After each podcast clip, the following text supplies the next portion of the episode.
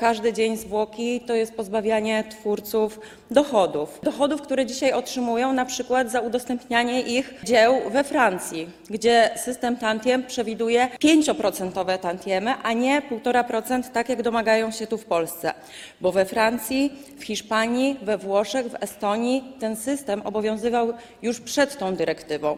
A te trzy kraje, Belgia, Słowenia, Litwa, wprowadziły, zaimplementowały tantiemy w wyniku dyrektywy. Nie możemy liczyć, że y, wielkie korporacje cyfrowe z własnej woli będą wprowadzać systemy wynagradzające e, artystów. Mówią Państwo o tym, że trzeba mówić o całościowej strategii, e, także o innych rozwiązaniach, ale tantiemy są tu podstawą, bo już mamy duży rynek VOD w Polsce.